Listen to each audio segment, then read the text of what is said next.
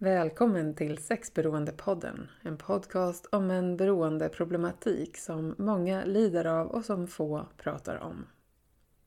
Sexberoendepodden är en plats för samtalet att ta vid. Vår förhoppning är att göra skammen och tabun till något konkret och hanterbart. En tid framåt riktar vi särskilt fokus på parprocessen. Häng med!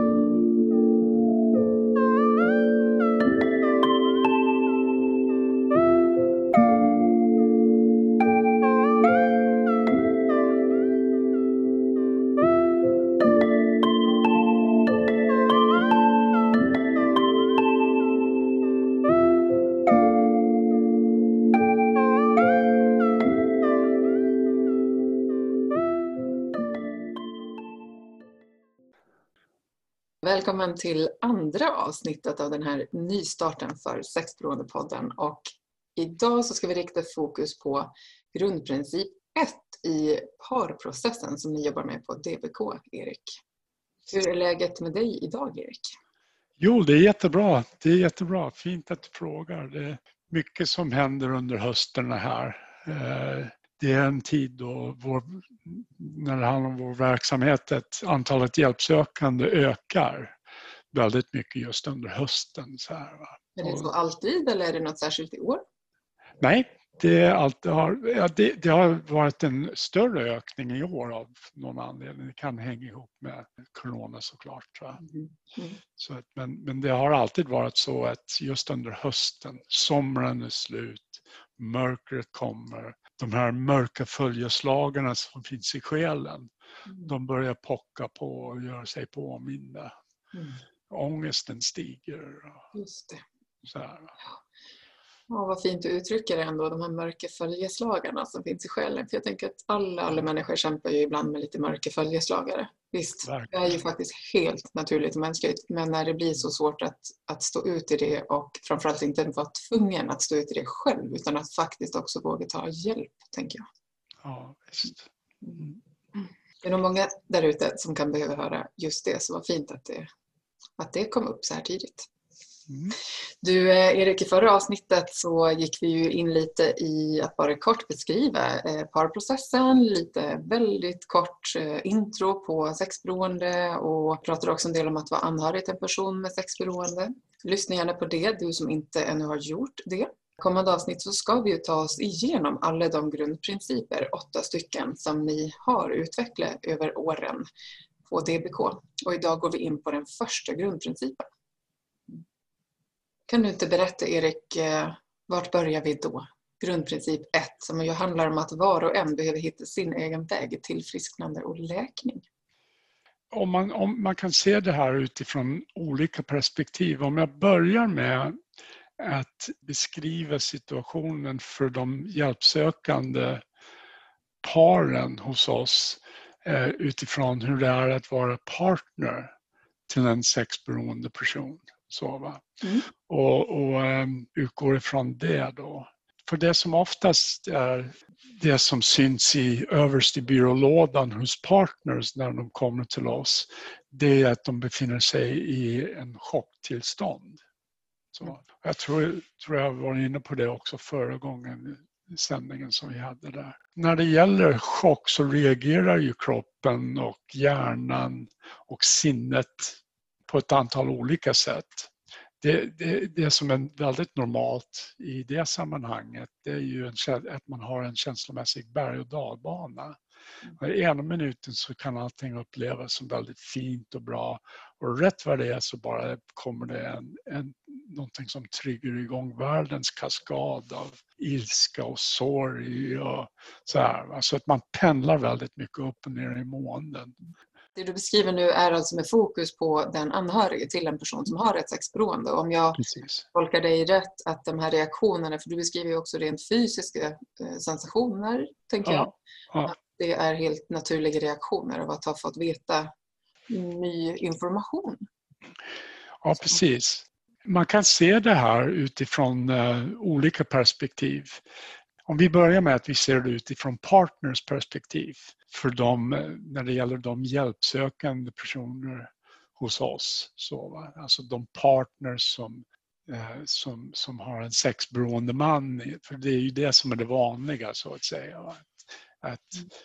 partnern är en kvinna och den som är sexberoende är, är en man. Då. Det, det är det vanliga, även om det finns undantag såklart. Du nämnde det i senaste samtalet också att det verkar vara tydligare då att män vars kvinnliga partners har ett sexberoende tenderar kanske att lämna oftare än kvinnor vars manliga partner har ett sexberoende. Så det, det ihop med det du delade förra gången. Ja, precis. precis. Och, och om man ser det från partners perspektiv så är det, är det så att de allt som oftast befinner sig i ett chocktillstånd där de har fått reda på saker och ting som de inte haft en aning om många gånger. Va? De, har, de, de, har blivit, de har fått, eh, oftast har de avslöjat saker antingen på datorn eller, eller via mail eller, eller via chatt. Så här, va? Eh, som, som de inte har varit medvetna om tidigare. Och, och, det är ju klart att det blir väldigt chockartat och känslan av svek är ju väldigt kraftig då. Eh, eftersom de har fått de här hemlighet, tidigare hemligheter tills, fått reda på saker som de inte har vetat om. Så det innebär då att, att de får både fysiska och känslomässiga och mentala eh, och, och andliga konsekvenser av det. Liksom kroppen reagerar, hjärnan reagerar på olika sätt. Ja, helt naturliga reaktioner på kris eller sorg. Ja, precis. Helt vanliga och rimliga, sunda reaktioner på att ha varit med om någonting eh, svårt och stressande. Men även om det är sunt så kan det kännas väldigt smärtsamt att vara i det här skedet. Mm. Det, det är ju det och eh, eh det är också i det skedet som det är väldigt svårt eh, jag skulle, skulle inte rekommendera heller partners i det tillståndet att göra livsavgörande beslut.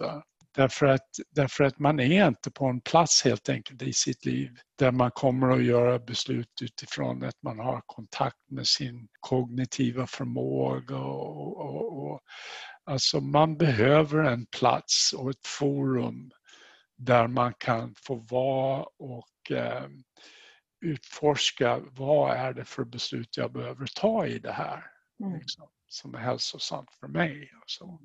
Och just då tänker jag att den här första grundprincipens eh, essens som jag upplever när jag läst om den, att var och en behöver hitta sin väg i tillfrisknande och läkning. Att det handlar ju då inte bara om en av två i en parrelation, utan det är verkligen viktigt att båda två i arbetet tillsammans med er hittar sin grund, skulle jag säga. Så upplever jag när jag har läst och, och samtalat med dig. Vad tänker du när jag säger så?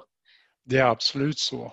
Och för partners så är det så, så är det så här, det finns en talesätt på amerikanska men som man kan översätta till svenska som handlar om att istället för att bara överleva stormen så kan man lära sig att dansa i regnet. Mm. Så det är väl ungefär det att, att man behöver liksom sitta still i båten ett tag och, och, och liksom skapa kontakt med sig själv. De, de viktigaste färdigheterna som partners behöver lära sig i, i den här fasen, i den här att, att ha, ha ett, eget, ett egen forum för, för lekning, det är helt enkelt att överleva traumat. Mm förstå sina specifika reaktionsmönster. Mm. De här när kroppen reagerar, de här känslor, mässiga berg och dalbanorna och vad som triggar igång det och så här. Va? Och man behöver lära sig att använda motkrafter för att eh, hantera de här olika reaktionsmönster som man har. Och, eh, också krävs det en hel del faktiskt repression av självkänsla och identitet. Och att arbeta fram en målbild för sin egen läkning. Så det, det, är ju det, det är de här sakerna som är viktiga för partners i den här eh, grundprincip 1. Då. Mm. Och då måste man ha ett forum för det helt enkelt. Och det forumet, när man då genomgår parprocessen hos er, rent praktiskt, innan jag ställer följdfrågor på de här reaktionsmönstren och strategierna, för det är jag nyfiken på och det tror jag fler som lyssnar är, så mm. tänker jag hur går det till i, rent praktiskt i parprocessen? Sitter man gemensamt i paren tillsammans, så i samma rum med andra eller är det partners för sig och den som har ett sexberoende i ett annat rum? Kan du ge oss en bild av hur går det här till? Allt som oftast, vi, vi har ju flera olika alternativ men den mest, den, eh, den mest, eh, ja, de flesta patienter då fungerar det så här att den som är sexberoende går in i en sexberoende grupp för män. Just mm. Eller en sexberoende grupp för kvinnor. Och att partners går in i en fas 1-grupp för partners. Så som handlar om det här med, med läkning, att, att hitta det. Och sen så har man parsamtal insprängt i behandlingen. Paret tillsammans med terapeuter? Ja, precis. Att få en bild kan vara väldigt skönt för är man i den här fasen, ja. precis som du nämnde så tänker jag att det här kognitiva tänkandet, förmågan att tänka klart kan vara ganska påverkad när vi är väldigt mycket i sårbarhet och, och um, smärta. Så. Ja, precis. Det är viktigt att ha en, en eh, visuell bild eller ett stöd i vad skulle det här kunna vara och ge. Ja, ja så man kan säga att det vi gör då i den här fasen det är att vi separerar på olika saker. Alltså att den sexberoende är en person som har problem som han eller hon behöver arbeta för att lösa. Partnern har problem som han eller hon behöver lösa. Men sen har de ju också parförhållandet som har fått problem mm. som de båda två behöver hjälpas åt att lösa. Mm. Och eh, i början så handlar det för det mesta om, för partners del i alla fall, att, att sitta still i båten och ta lugnt och eh, arbeta med det här med att bara överleva och eh, liksom förstå varför man reagerar som man gör och eh, arbeta med självkänsla och så här. Va? Det är inte ditt fel. Så, va? För det, det är en sån där ord som jag brukar alltid säga till partners till sexberoende män. Det finns ingenting du hade kunnat göra annorlunda som hade gjort att den här situationen inte hade uppstått. Mm. Det handlar inte om dig. Så, mm. Och eh, det behöver man få klart för sig. Avlasta ansvar, att fundera på skuld och skam. Många sådana ord kommer till mig när jag lyssnar. Ja, precis så är det. Om man då går in på eh, den här, den här att skaffa sig ett eget forum för läkning eller tillfrisknande sett ur den sexberoende partners perspektiv så, så är det ju så för hans del, då, för det är oftast en han, att eh, hans, hans hemligheter, hans hemliga utageranden, mm. sexuella utageranden, de har lagts uppe på bordet nu. De har blivit avslöjade om inte hela liksom, sanningen så i alla fall delar utav sanningen har kommit fram i ljuset. Förmodligen så håller han på och jonglerar med olika känslor också. Liksom rädsla, skam, vad ska hända nu? Alltså samtidigt som man upplever också en viss lättnad att man slipper hålla alla de här bollarna i luften. Mm. kan uppleva lättnad för att nu, nu, är det, nu är det avslöjat. Nu slipper jag det här ljugandet och hemlighållandet. Och det är också så att den, här, den sanningen är den att när det handlar om sexberoende så frodas det i mörker och dör i dagsljus. Berätta mer, hur menar du då? Ja, det fungerar ungefär som de här champinjonerna som växer i mörka källarlokaler i Frankrike de trivs i mörkret och i fukten och, och, och liksom i, i, i det mörka. Va? Blir jättesaftiga champinjoner. När de växer som bäst. När de växer som bäst. Mm. Öppnar upp fönstret och släpper in dagsljus, då krymper de ihop och dör. Mm. Och sexberoende fungerar på samma sätt.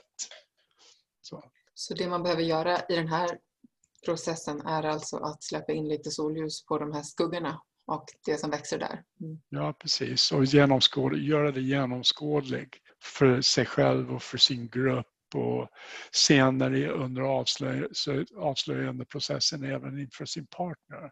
Så, va? Mm. Att, att liksom inte bära hemligheter längre. Just det. Och det kommer ju som en lite senare del av de här grundprinciperna. Just den delen mm. som vi kommer in på lite senare. Men du Erik, får jag stanna till lite vid det du nämnde om att förstå sina specifika reaktionsmönster? Absolut. För jag tänker att frågan blir, jobbar man då både med det som den som har ett sexberoende och partnern, att var och en då får titta på sina reaktionsmönster i olika situationer separat så att säga och i paret, eller hur? Och vad kan det vara för exempel på reaktioner? Finns det någonting, eh, kan du ge oss ett exempel? Det är ju faktiskt mest eh, partners som behöver arbeta med, med chock. Alltså, så här. Även om sexberoende män kan vara chockade över upptäckten så, här, så är de ganska förberedda på att det här skulle kunna hända. Och det finns en sån här försvarsmekanism i sexberoende som går ut på att man övertalar sig själv att jag kommer att kunna klara av att hantera de negativa konsekvenserna. Mm. Så, så att man är väldigt mycket mer försvarsinställd. Som ett sätt att möjliggöra att fortsätta? Ja visst, absolut. Och det, de försvaren de slutar inte fungera bara för att man söker hjälp. Liksom. Så. Nej. Däremot så är, är partnern fått upptäcka saker som har pågått utan hennes vetskap. Va? Så det blir en helt annan känsla av chock och svek och så här. Va? Och eh, en av de primära reaktionerna det är just det här att hur ska hon kunna veta vad som är sant och inte sant? Det finns liksom ingen tillit såklart. Va? Hur ska hon kunna lita på ett ord av det den här mannen säger? Och, och går det att reparera det? Hur ska jag kunna någonsin kunna, hur ska jag någonsin kunna lita på det han säger? Mm. Han har ju ljugit under hela vårt Hela vårt, vårt samliv bygger på en lögn. Liksom. Så, va? Och det är det som är det mest, det mest det kraftigaste känslan av svek, chock och svek som, som partners bär på. Och ett av de reaktionsmönster som säkert är, ja. precis som du nämnde, väldigt kraftfullt. Att gå in i den eh, ifrågasättandet på så många ja. sätt och nivåer. Mm. Ja, precis. Och um, det är klart att du vet att du har ju också i mer eller mindre hög grad reaktioner hos partners som utgår ifrån eh, en del ute i hjärnan som också ingår i den, det limbiska systemet. Där de här eh, mest primitiva och ursprungliga automatiska reaktioner finns. Eh, fight, flight, freeze och, och, de mekanismerna som man egentligen inte styr över liksom, utan som sker per automatik.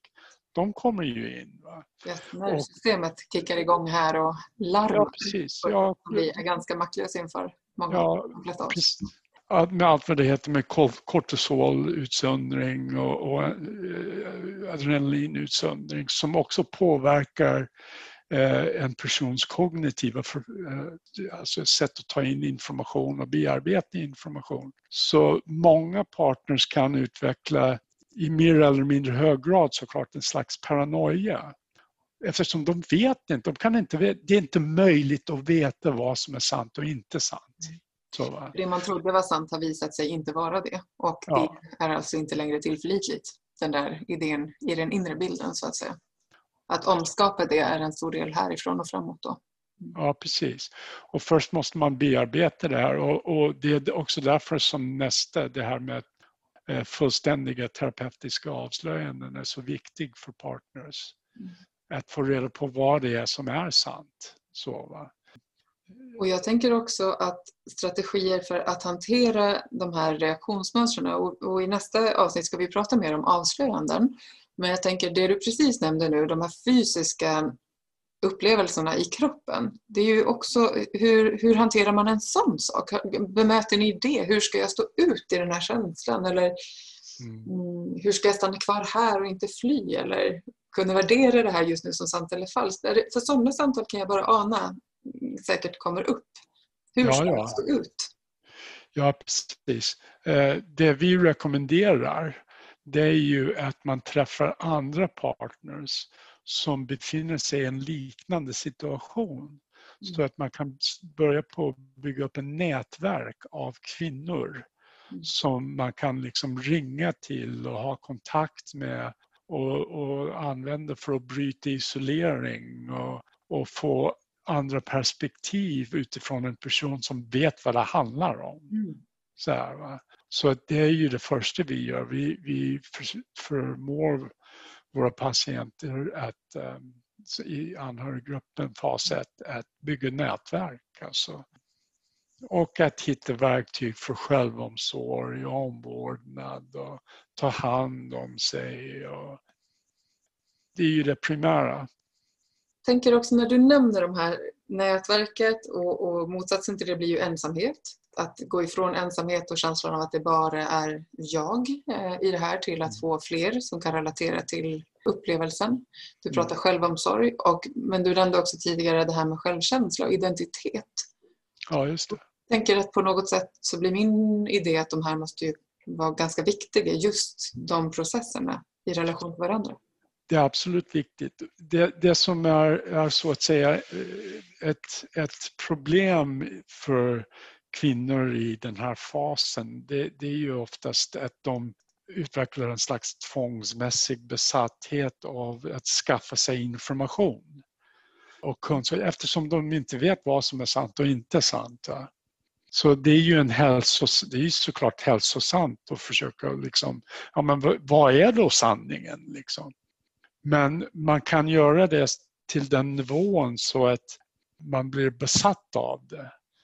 Och då är det inte, då handlar, då är det inte längre, det går över från att vara en hälsosam sökande efter sanning till att vara en ohälsosam besatthet av att hitta bevis. Så, och det behöver man liksom motverka genom att hitta verktyg för identitet och verktyg för eh, eh, hur man ska skydda sig själv och hur man ska skydda både sig själv och hur, man ska ha det i sin roll som mamma till exempel om man har barn.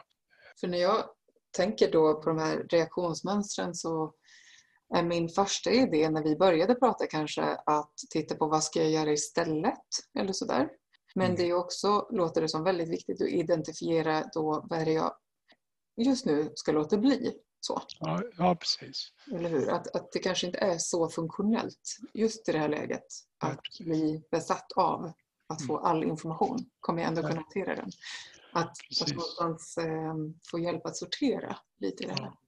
Ja, precis. Och vi, vi säger ju också till eh, både sexberoende män och deras partners i behandling att sitt still i båten, det kommer, du, du som partner, du kommer att få reda på sanningen om det är så att din man är kvar i behandling.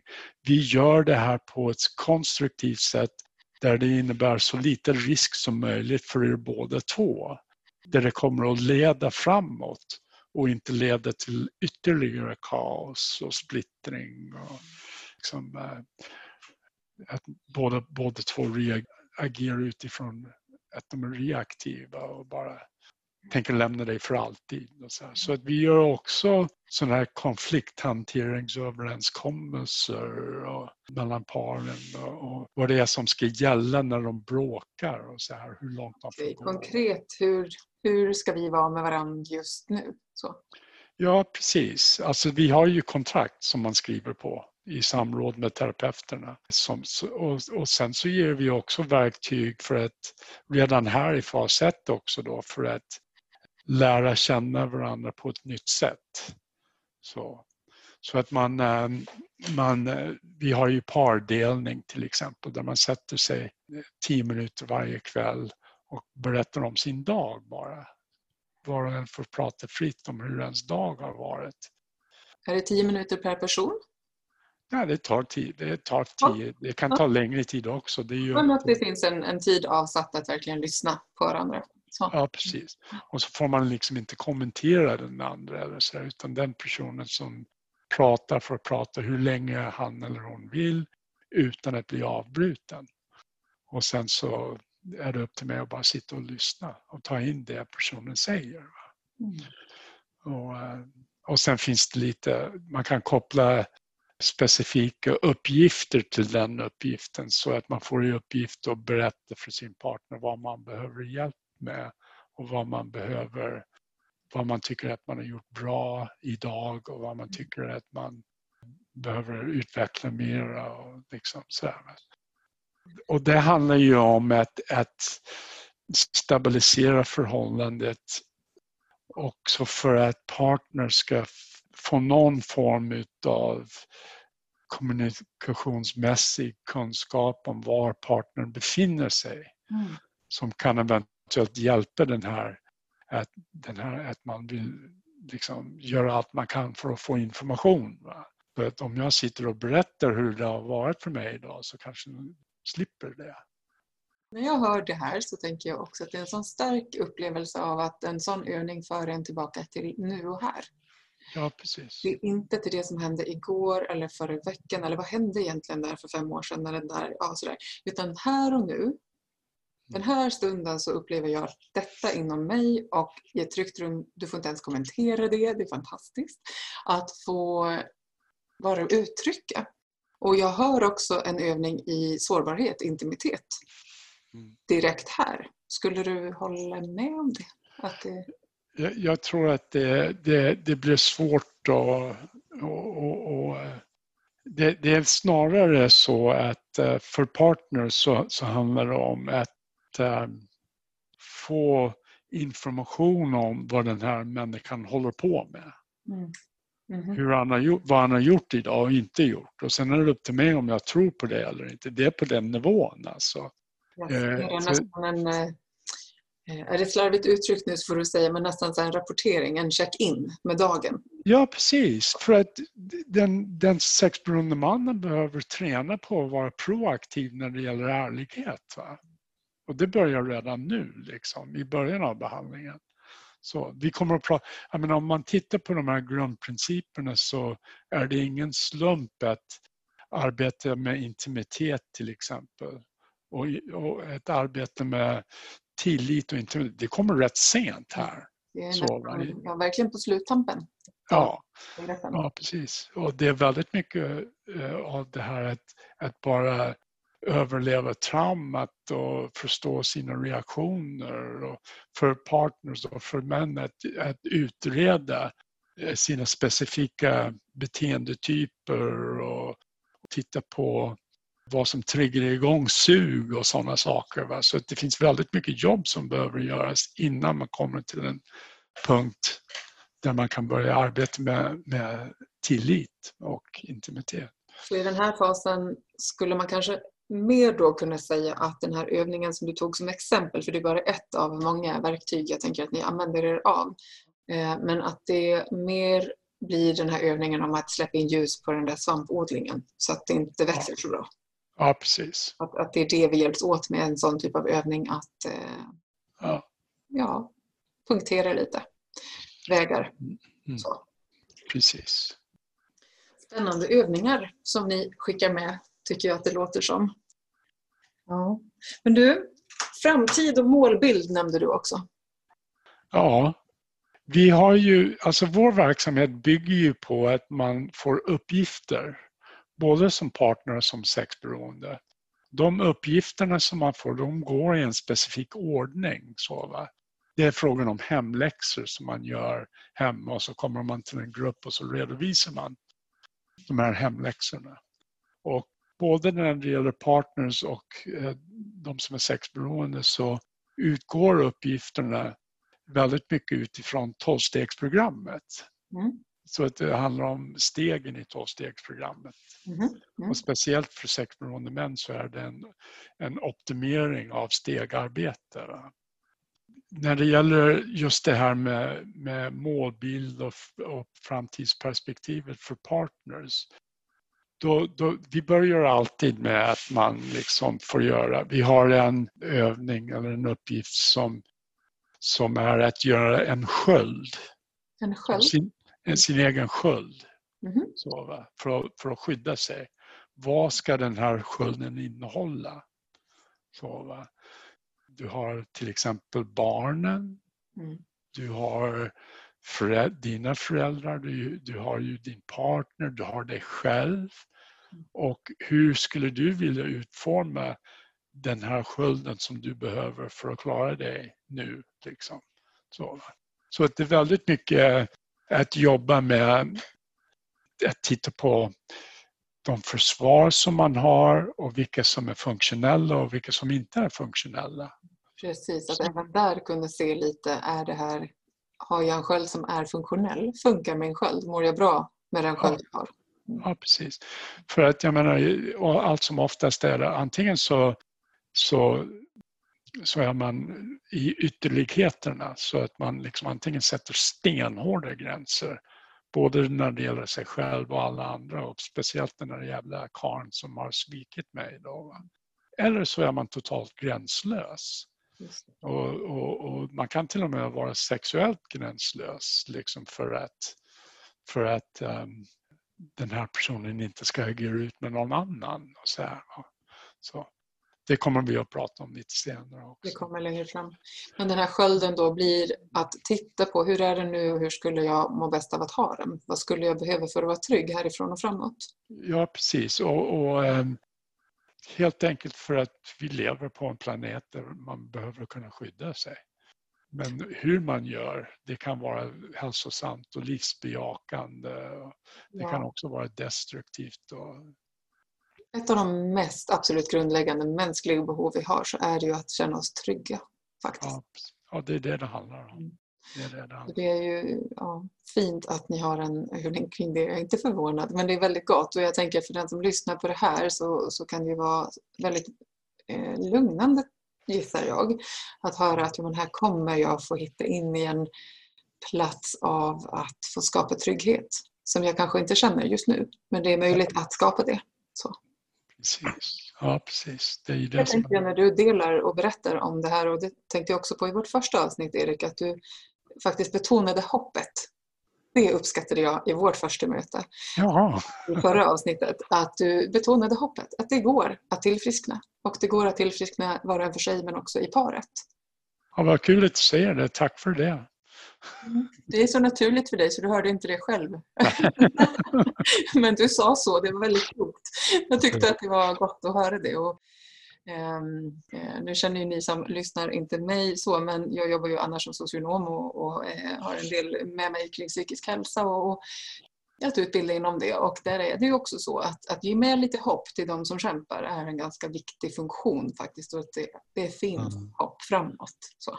Att ha tillit till det och att vi som är i den känslan också kan få låna ut lite av den eh, hoppfullheten till den som inte riktigt hämtar hem den själv. Sådär. Du, Erik, finns det någonting innan vi går till avslut på grundprincip 1 i det här samtalet som känns som att vi inte har pratat om eller som du vill betona lite extra? Det är så märkligt att det första som kommer upp när du sa det där var Ja, det finns hopp. liksom. Vi stannar till där liksom. alltså, ja, Ja, men eh, det är kanske också ett jättefint medskick inför nästa grundprincip, tänker jag. Eh, eller hur? Vi kan väl göra en cliffhanger till det, att nästa gång ni lyssnar på oss, eh, Erik, så Mm. är ju grundprincipen om fullständiga terapeutiska avslöjanden det som står på tur. Just det. Och för att kunna göra det så behöver man en hel del hopp.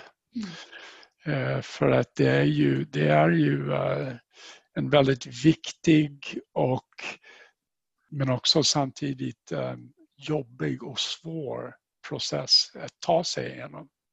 Så både för partners och för de som är sexberoende. Och det ska vi med värme närma oss nästa gång och eh, forska lite mer i på djupet hur det kan gå till och vad betyder det egentligen. Sådär. Men att idag börja sammanfatta den första grundprincipen om att var och en behöver hitta sin väg i det här med tillfrisknande och läkning. Och det jag tänker att du har benämnt så många viktiga tänker jag när jag lyssnar ord som handlar så mycket om det här med att eh, kika lite på skuld och skam, ansvar, smärtan och chocken men också hämta hem stunder av trygghet och tillit i ja, kanske ett nytt nätverk som, som det här faktiskt bjuder in till. Och mm. också fundera över ja, men hur kan jag ge mig själv självomsorg? Ja. Oavsett vem det nu är som lyssnar, i vilket, vilken del av det här man kan relatera till. Att ge sig själv lite hållande i den här processen. Det är vad jag tycker att du sammanfattningsvis har, har skickat med på, på första grundprincipen. Tycker du att jag har lyssnat ordentligt då? Ja, det tycker jag absolut jag har gjort. Skönt. Tack, tack så hemskt mycket för att eh, jag fick göra det här och för att du lyssnade. Tove. Tack själv. Det är eh, meningsfullt och viktigt och jag tänker vare sig man har egen erfarenhet eller partner med utan ett sexberoende så tänker jag att relationer är ju någonting som de allra flesta människor ändå längtar efter att ha goda sådana. Och att det är spännande teman med relation så det här går ju att översätta till olika fenomen också. Ja, precis. Mm. Du Erik, eh, tack för idag. Tack själv. Vi hörs snart igen. Vi gör det. Var rädd om dig. Det ska jag, detsamma. Tack. Hej då. Hej hej. Du har lyssnat på ett avsnitt av Sexberoendepodden. Du hittar mer information om sexberoende och om parprocessen på dbksverige.se liksom mer information på cybersexdetox.se. Du kan också kontakta Erik direkt. Använd telefonnummer 0733 095 533. Den här podden är producerad av Studio Popcorn för DBK Stockholm.